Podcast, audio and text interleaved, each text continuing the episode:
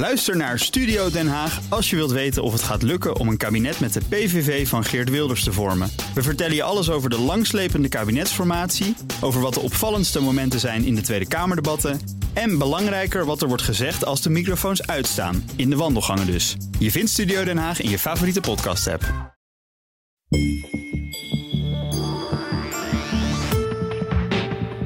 De Amerikaanse overheid waarschuwt al tijden voor bedrijfsspionage door China. En pas geleden nog bleek dat het Nederlandse ASML daar ook echt slachtoffer van werd.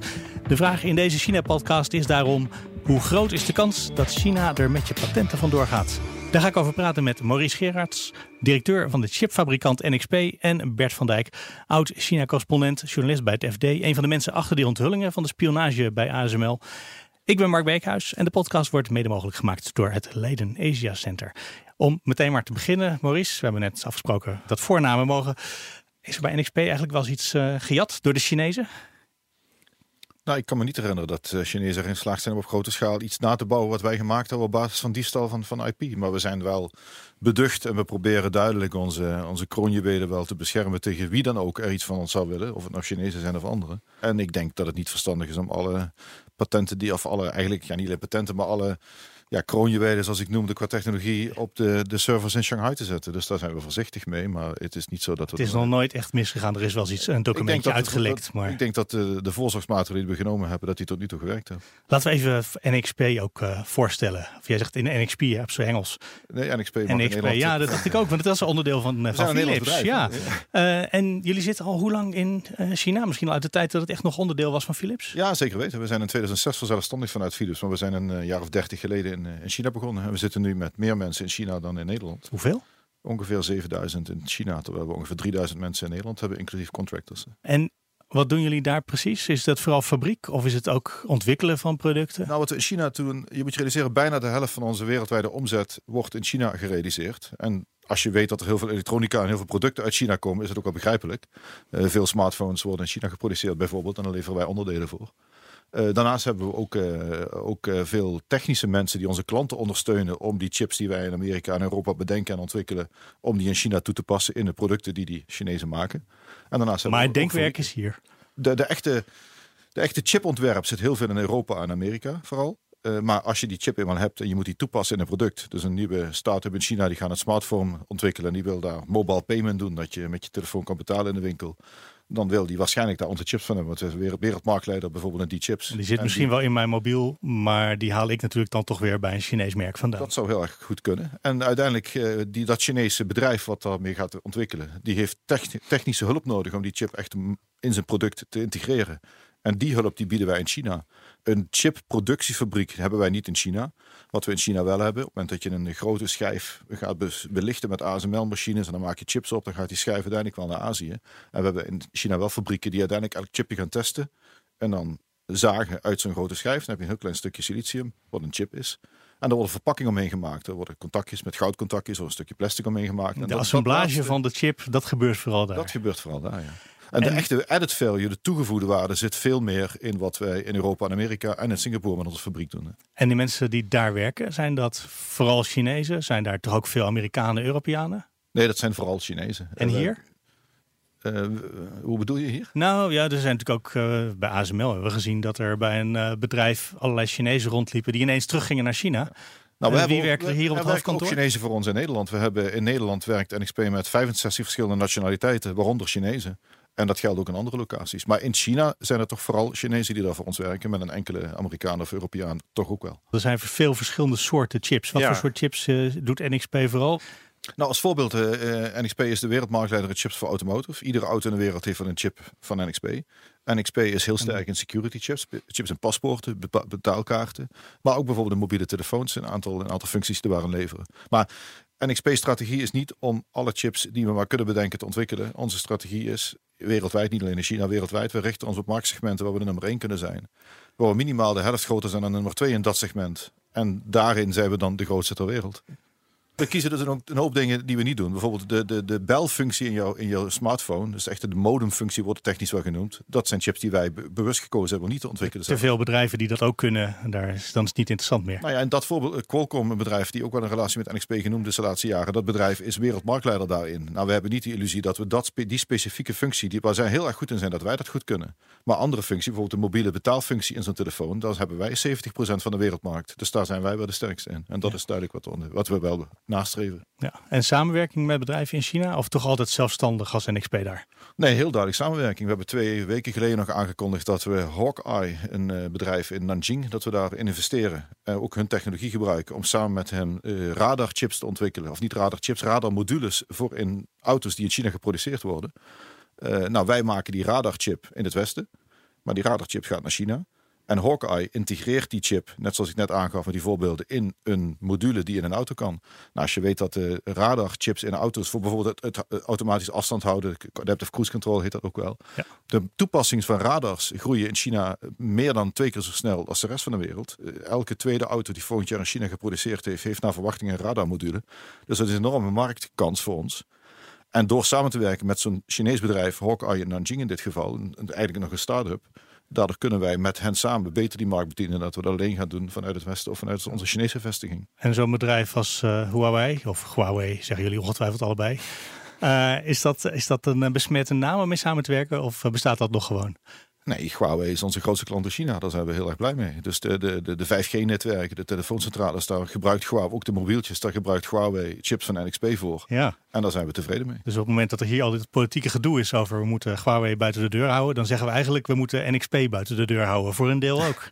als, mee, als consequentie daarvan. Nou, dat valt wel mee. Want als je weet dat wij die strategie hebben dat we wereldmarktleider willen zijn in een bepaald segment en daar de grootste willen zijn, dat op het moment dat je geen Huawei-centrale koopt, maar een Ericsson-centrale, dan zijn we er ook blij mee. Omdat dat ook een klant is. Waarom moet je lachen, Bert? Nee, nee dit, dit, klopt natuurlijk, maar die, die, discussie over Huawei is natuurlijk wel, ja, is wel interessant. Ja, dat is toch het eerste waar je aan denkt. ik denk ook dat NXP op het ogenblik. Ja, nee, natuurlijk. En uh, Huawei zelf gaat natuurlijk ook, uh, denkt natuurlijk ook vooruit. Die gaan ook zelf chips ontwikkelen op een gegeven moment. Kijk, misschien is het goed om, als achtergrond heel even te schetsen dat de, Chinezen hebben een, soort grand vision over 30 jaar willen ze gewoon niet meer afhankelijk zijn van uh, de, de, westerse chipbedrijven. Uh, het gaat niet alleen om de, de, de, bedrijven die chips maken, maar ook de bedrijven die de apparatuur maken. China wil het uiteindelijk allemaal zelf kunnen. Daar is alles, uh, ja, alles is daarvoor geoorloofd, om het zo maar te zeggen. En uh, ideale manier is natuurlijk bedrijven overnemen. Maar dat is natuurlijk precies heel lastig, omdat veel van de technologie, die, zoals ASML of andere bedrijven, wordt als heel gevoelig gezien. Dus het is heel lastig voor Chinese bedrijven om westerse technologiebedrijven over te nemen. Dus het, is het risico voor westerse bedrijven om in China te gaan zitten op het chipgebied is heel groot, omdat je toch kwetsbaar maakt voor diefstal van IP of kopieerpraktijken. en ik denk dat dat dat is althans wat, als je ook met Amerikanen praat of met, uh, met mensen in de industrie, dat dat toch wel een uh, beetje een onderbelichte zorg is. Dat mensen daar toch, denk ik, of bedrijven, ook westerse bedrijven, daar te naïef in zijn. Nou, te naïef. En XP misschien ook wel? Nou, ik denk dat het sowieso slecht is om op dit gebied, dit bedreiging van, van, van spionage en cybersecurity, om, om daar naïef te zijn. Ik denk dat we dat zeker niet zijn. Maar als je dat voorbeeld pakt van, neem bijvoorbeeld beveiligingschips. De, de Chinese paspoorten, de Chinese bankkaarten hebben overwegend NXP-chips uit het Westen. Uh, hoe, hoe, hebben wij die markt en hoe, hoe, opereren wij daarin? Nou, wij opereren daarin door omdat we in dat segment zo sterk zijn, kunnen we veel investeren. Kunnen we blijven innoveren. Kunnen we voorop lopen in die, die security race met oké, hackers en anderzijds beveiligingschips. Dat doen we vanuit Europa sterk. Dus de, de Security Expertise Centrum zit gewoon echt in Europa. En die security expertise, die brengen wij niet direct naar China toe. Wij ontwikkelen in Europa een chip die we naar China verschepen, waar daar die chip daar geïntegreerd wordt in een product. Ja, kijk, kijk, tegelijkertijd weten we dat, dat China die ambitie heeft. Dus wij weten ook wel dat er Chinese bedrijven zijn en dat de Chinese overheid gewoon in een vijfjarenplan heeft staan. Wij willen graag dat die chips niet door NXP. Ja, wij, wij worden niet genoemd als naam, maar bij wijze van spreken, wij willen niet dat, die, dat dat westerse bedrijf die chip ontwikkelt, maar we willen een Chinees bedrijf hebben die die chip ontwikkelt en produceert. Nou, in dit geval is ons antwoord daarop sneller innoveren dan dan, dan anderen het kunnen kopiëren als je dat zou willen. Maar kopiëren is niet zo makkelijk als je de kennis niet hebt. Maar dat risico bestaat. Daar, daar baven we ons ook tegen. Uh, parallel daaraan uh, werken we op andere gebieden waar we technologie hebben die wij eigenlijk niet topprioriteit vinden voor NXP.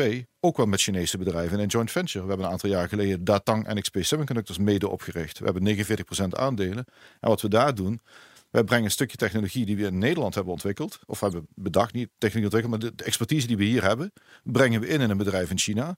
Omdat bij ons het eigenlijk altijd zo is dat dat stukje technologie net beneden de streep viel als we weer moeten beslissen waar investeren we wel in, waar investeren we niet in. Nou, en dan kan je maar beter meeliften op iets wat in China wel van de grond we bewust van breng die technologie maar naar China, dan hebben we tenminste nog een return on investment, want we krijgen geld terug vanuit de aandeelhouders, vanuit de aandeelhoudersverhouding die we in het bedrijf hebben. En op die manier kunnen we ervan profiteren. Maar dat eerste wat je zei, je zei we gaan gewoon sneller met onze ontwikkeling dan de concurrent hoorde ik dat bij ASML ook niet. Ja, dat is natuurlijk dat is, dat is wat ASML constant roept. Wij, wij lopen mijlen ver voor op de concurrentie. En ook al hè, zouden ze nu onze blauwdruk hebben, dan nog, omdat wij met zoveel verschillende leveranciers werken. Nou ja, voordat zij dat onder de knie hebben, dan zijn wij alweer zoveel verder. Maar nou ja, dat is toch, dat, is, dat is toch een gevaarlijke houding, denk ik. Omdat ik denk dat je dan echt de, de kracht en de, de massiviteit nu in China onderschat van hoeveel geld er naartoe gaat. Hoe graag China het wil. Ja, en ook hoeveel wetenschappelijk, als je kijkt naar de instituten, waar nu, bedoel, misschien heel weinig mensen weten dat, maar in China zijn de Chinezen nu bezig om een EUV-machine. Dat is al een jarenlang uh, te, te ontwikkelen. Dat is al een jarenlang project. Ja, die is nog lang niet zo goed uiteraard als die van ASML, maar het feit dat ze daarmee bezig zijn en daar echt fors geld tegen aangooien, dat is, ja, dat is wel iets waar je rekening mee moet houden. En ten tweede, wat ik hoorde, is dat ja, wij zorgen ervoor dat we de IP vooral hier in Europa houden. En dat is natuurlijk niet de, uh, een garantie dat het niet naar China verdwijnt. Dat zagen we bij ASML. Daar stond het allemaal op servers en op harde schijven bij ASML in Silicon Valley. En hebben Chinese medewerkers hebben het op externe harde schijven gedownload. En die zijn een paar dagen later met de externe harde schijf naar China vertrokken. En het daar aangesloten op computers van het Chinese moederbedrijf. Dus ja, dan heb je het allemaal wel hier. Maar ja, het, en, het gaat allemaal over software, het gaat allemaal over broncodes. En het, het, ja, dus je moet dat op een. En wat, nou ja, misschien nog één ding, maar dat zei Peter Wenning tijdens de aanhoudersvergadering van ja, in 2015. Ja, dat kon dat eigenlijk toen nog. Dat gaf hij, hij gaf het ruidelijk toe. Hij zei van ja, dat, dat kan nu niet meer. Maar toen konden we konden mensen nog thuis aansluiten. Nou, dat is natuurlijk voor een bedrijf. Dat Ze hebben daarna hun beveiliging ook wel flink opgetrokken. Ja, maar dat, dat dat in 2015, wat nog relatief... Vier jaar terug. Ja, dat is vrij recent. Dat is toch wel zorgwekkend, vind ik. Ik, ik ben het overigens met je eens, maar wij proberen onze ogen niet te sluiten voor de ambities van China. We proberen alleen onze eigen acties te richten op het feit hoe wij dat zo goed mogelijk kunnen om, om, kunnen gaan. En dat is, dat, dat, dat, dat is redeneren vanuit je eigen kracht. Ja. Uh, als voorbeeld, we hadden het net over die security chips. Um, ja, beveiligen van producten met cybersecurity mobiel betalen. En ik bedoel niet zozeer het, het kunnen hacken van, van een bedrijf, maar meer van het zorgen dat je chips maakt die Internet of Things devices, die paspoorten, die bankkaarten kunnen beveiligen, is een heel belangrijk aspect van ons werk. Um, maar dat betekent ook dat dat een hele veilige omgeving moet gebeuren die afgeschermd is. Dus de, als voorbeeld in Eindhoven, in een gebouw van Eindhoven de high van NXP op de high-tech campus, is het gedeelte waarvan de mensen die aan de software van die chips werken, is compleet afgeschermd. Ik kan daar niet binnen met mijn pasje. Uh, het internet is, het, het, is een ander netwerk. Dus echt compleet gesloten. Dat kun je niet met je hele bedrijf doen. Maar met die gebieden die extreem beveiligingskritisch zijn, ook qua producten, ja, nemen wij die maatregelen wel. Ik, en is daarmee alles te garanderen? Nou, waarschijnlijk niet. Maar we, we proberen te doen wat we kunnen doen om juist niet naïef naar dit probleem te kijken, maar juist de, de, de risico's in te schatten. En er zo goed, zo goed mogelijk mee om te gaan. Het is ook niet zo dat je niet, geen zaken meer moet doen met China of zo. Dat is natuurlijk ook gewoon eh, geen optie. Maar ik denk wel, kijk, een ander voorbeeld. Toen ik in China zat, dan word je vaak uitgenodigd bij Chinese bedrijven. En alles, de, de, de scheidslijn tussen privaat bedrijf en overheid is er bijna niet. Alles is eigenlijk overheid. Er worden enorme science parken uit de grond gestampt. Het is allemaal overheidsgeld. Het zijn allemaal over. En daar gaan zeg maar westerse bedrijven gaan daar joint ventures aan met een ontwikkelingsinstituut. Dat zijn overheidsgebouwen. En in China moet je daar niet naïef over zijn, want dat betekent dat de overheid gewoon de sleutel heeft van die gebouwen, heeft toegang tot de systemen. En het is natuurlijk mooi, je krijgt grond, je krijgt gebouwen aangeboden door de overheid, het is allemaal aantrekkelijk en je krijgt daar de middelen. Maar het is wel goed om te bedenken uh, nou, aan wie je dat verkoopt als het ware, of met wie je in zee gaat. Met wie je samen, ja, en je werkt altijd met de Chinese overheid samen. Nou ja, bijna altijd zit je daar, dus, ja, bijna altijd. Hebben twee jaar geleden samenwerking aangekondigd met, de, met uh, eh, het China Academy voor ICT, informatie- communicatietechnologie, waarbij wij met hen actief samenwerken, juist ook om onze eigen agenda uh, te kunnen volgen, namelijk om standaardisatie in China te doen. Chinese overheden hebben de neiging toch vaak wel om een iets andere standaard dan de rest van de wereld te kiezen. Om, om, om redenen, om moverende redenen. Ja. En voor ons helpt het wel als we meedenken met hen over die standaarden. En eigenlijk als we hen meenemen in hoe wij tegen die standaarden aankijken. Waarbij het voor ons natuurlijk erg fijn is als ze uiteindelijk komen op een standaard die toch wel de wereldstandaard is. Zodat we daar en wat, wat voor standaarden hebben we het dan over? In dit geval zijn de standaarden voor auto's die gaan uiteindelijk als ze meer zelfrijdend wordt onderling met elkaar communiceren. Nou, daar is in Europa wereldwijd een standaard voor, een IEEE standaard. Uh, China zou daar een andere standaard in kunnen ontwikkelen of selecteren. En wij proberen hen uit te leggen hoe goed die technologie kan werken als ze de standaard volgen die de rest van de wereld heeft geadopteerd. Als ze daaraan bijdragen.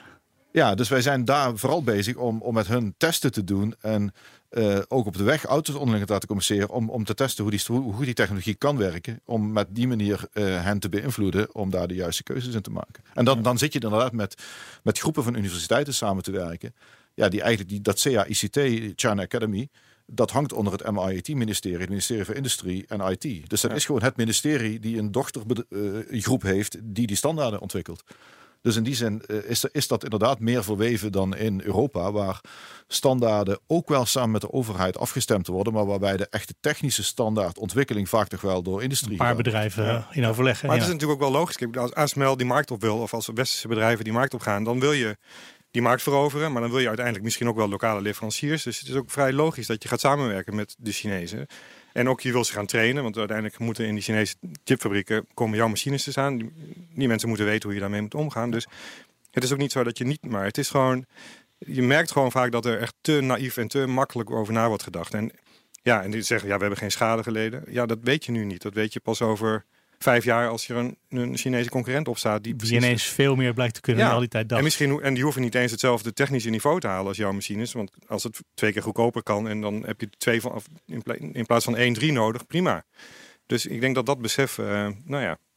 Ja, daar zit ook misschien nog wel iets. En misschien nog een, uh, iets wat hierop lijkt.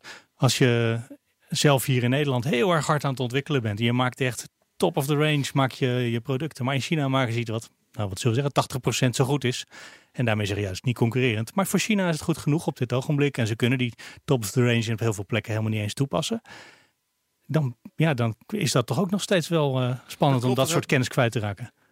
Dat hebben wij ook wel gezien. Niet zozeer qua kennis kwijtraken, maar ik wil even inhaken op wat je zegt. Waarbij wij hebben die keuze van oké, de segmenten waar we ons op richten zijn we de grootste in de wereld. Die zijn high growth en we zijn groter dan de nummer twee, de helft groter.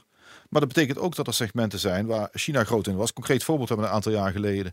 LED, de LED-verlichting. En dan de, de chip, de driver chip heet dat dan, die de, die LED-verlichting aanstuurt.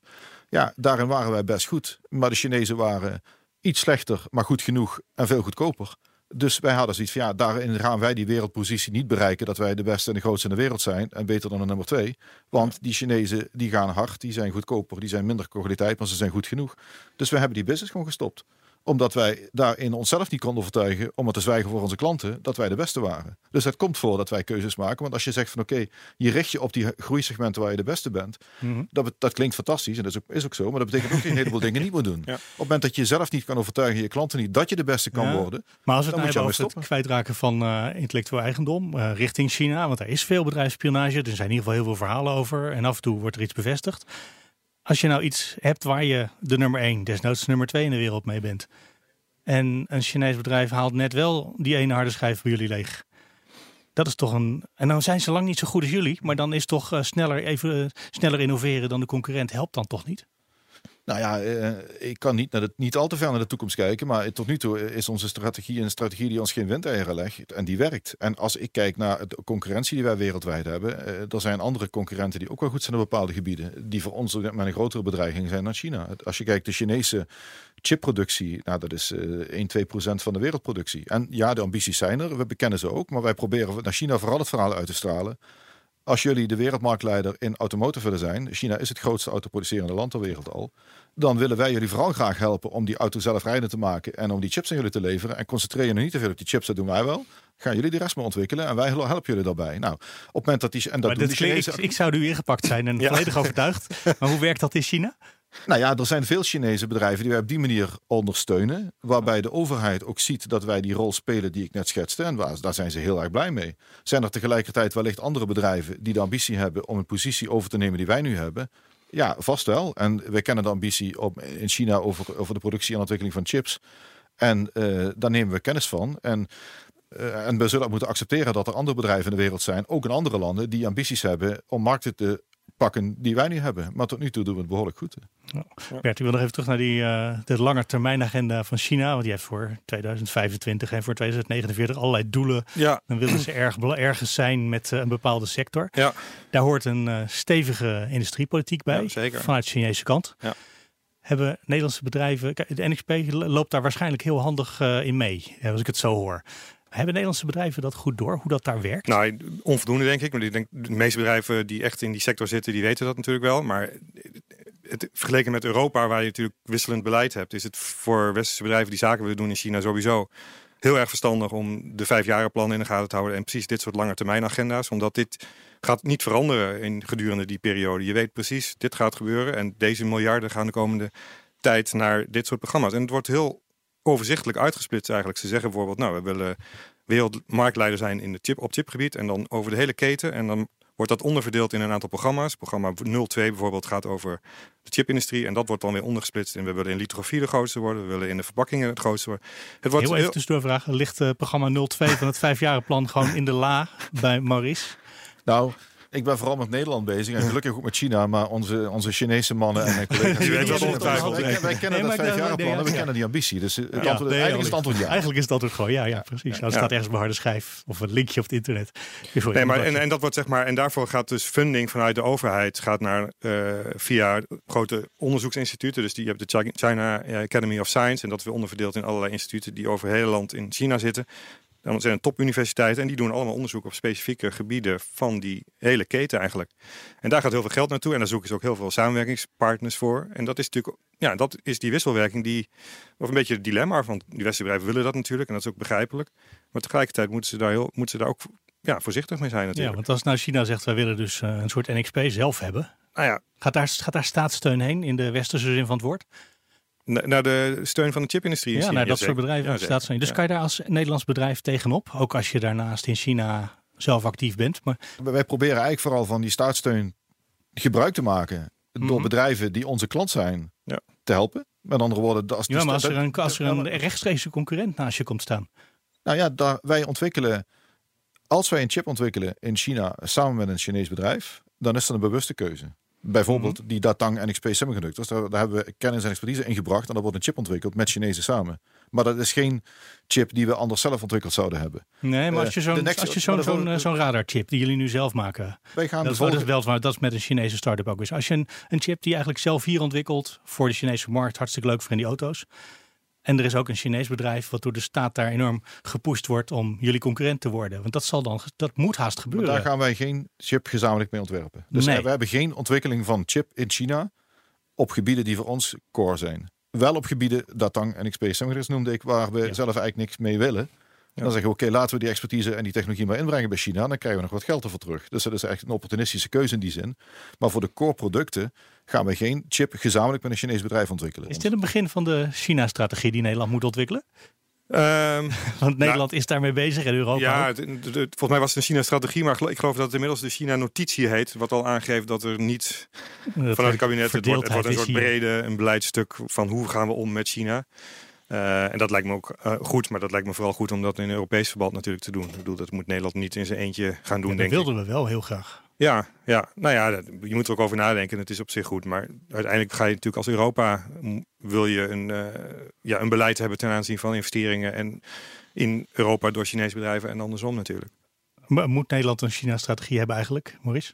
Ik denk dat het verstandig is, omdat je nu. Ja, ik denk van wel. Uh, omdat uh, we hebben verschillende ministeries in Nederland die allemaal met China bezig zijn. En dan zal de Veiligheidsdienst er op een andere manier bezig zijn. Dat het ministerie van ook een Economische Zaken of het ministerie van Handel en Ontwikkelingssamenwerking. En die hebben allemaal een eigen invalshoek om naar, dat, naar, naar die kansen en die bedreigingen in China te kijken. Ja. En die kijken er heel verschillend naar. En ik denk dat het goed is dat de dialoog tussen die ministeries ontstaat om hun visies op China uit te wisselen en eigenlijk toch met een gezamenlijk verhaal te komen. Of dat nou echt een gezamenlijke China-strategie wordt. Als, dan, als er maar tussen de ministeries een China-dialoog op zijn minst op gang komt. Ja, want dat, dat, dat, dat voegt waarde toe. Hoe gaat uiteindelijk de balans uh, uitslaan? Gaan we dan meer nationale veiligheid uh, in het oog nemen of toch de koopman? Nou ja, ik denk dat wij als natie toch wel een handelsnatie zijn. Ja. En ik denk dat we niet naïef onze ogen moeten sluiten. We moeten de risico's zien, maar tegelijkertijd moeten we de kansen ook begrijpen. Ja. En moeten we daar uh, toch onze koopmanspet ook duidelijk op laten hebben op het moment dat we met China zaken doen. Ja. Dus de wereld, de, onze markt is, is zo global, zo globaal.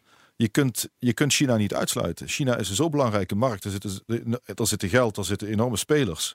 Uh, het zou naïef zijn juist om, om te zeggen we willen niks met China, want dan kun je, dan kun je geen wereldspeler zijn. Dus en dan weet je zeker dat de toekomstige wereldspelers in ieder geval uit China komen. Dus je wilt die samenwerking opzoeken. Dus hoe kijk je dan naar het politieke debat wat in Nederland de laatste maanden ineens is ontstaan van uh, Huawei is eng, China is een beetje gevaarlijk, uh, moeten we niet te veel meer samen doen? Tenminste, dat is een deel van de Tweede Kamer die daar zo over spreekt.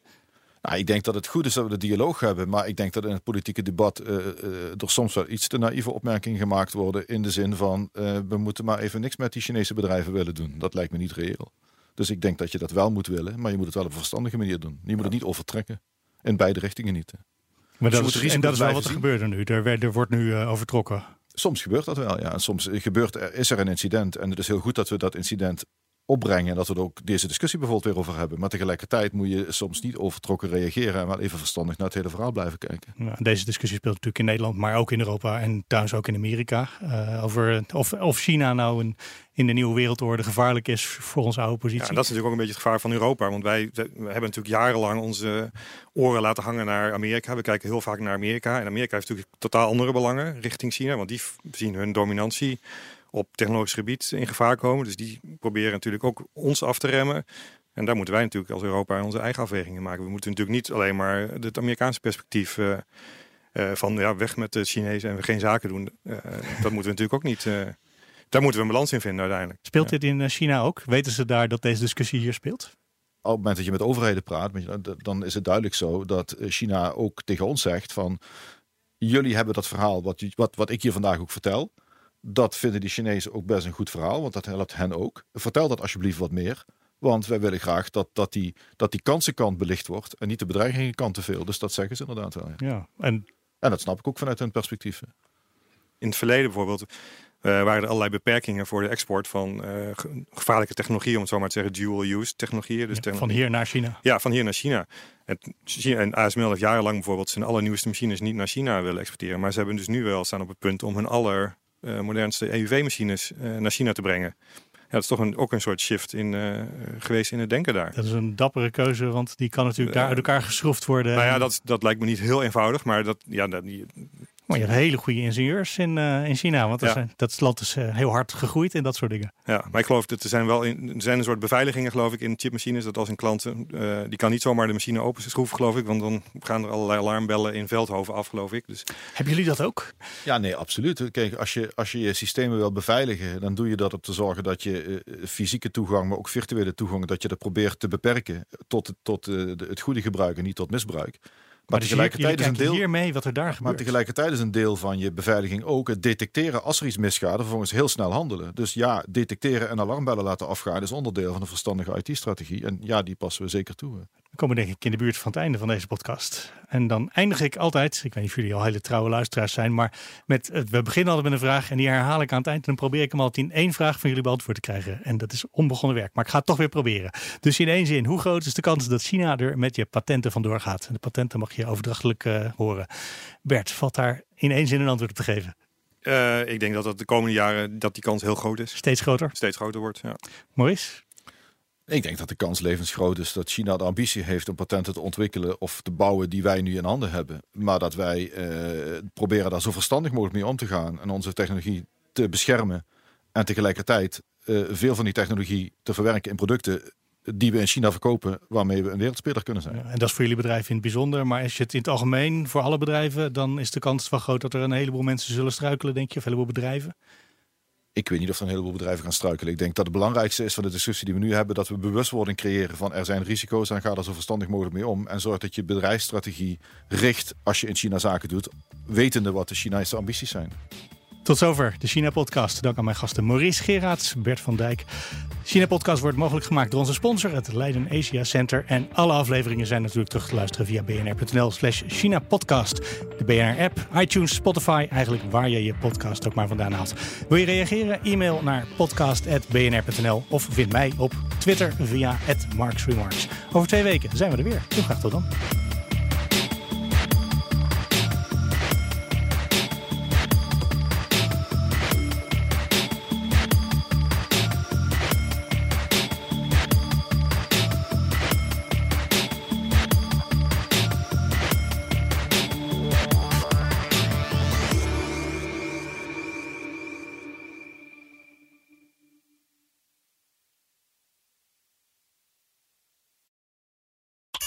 Thomas van Zeil vind je in de BNR-app. Je kunt live naar mij luisteren in Zaken doen. De BNR-app met breaking news, het laatste zakelijke nieuws en je vindt er alle BNR-podcasts. Bijvoorbeeld Het Nieuwe Geld. Download nu de gratis BNR-app en blijf scherp.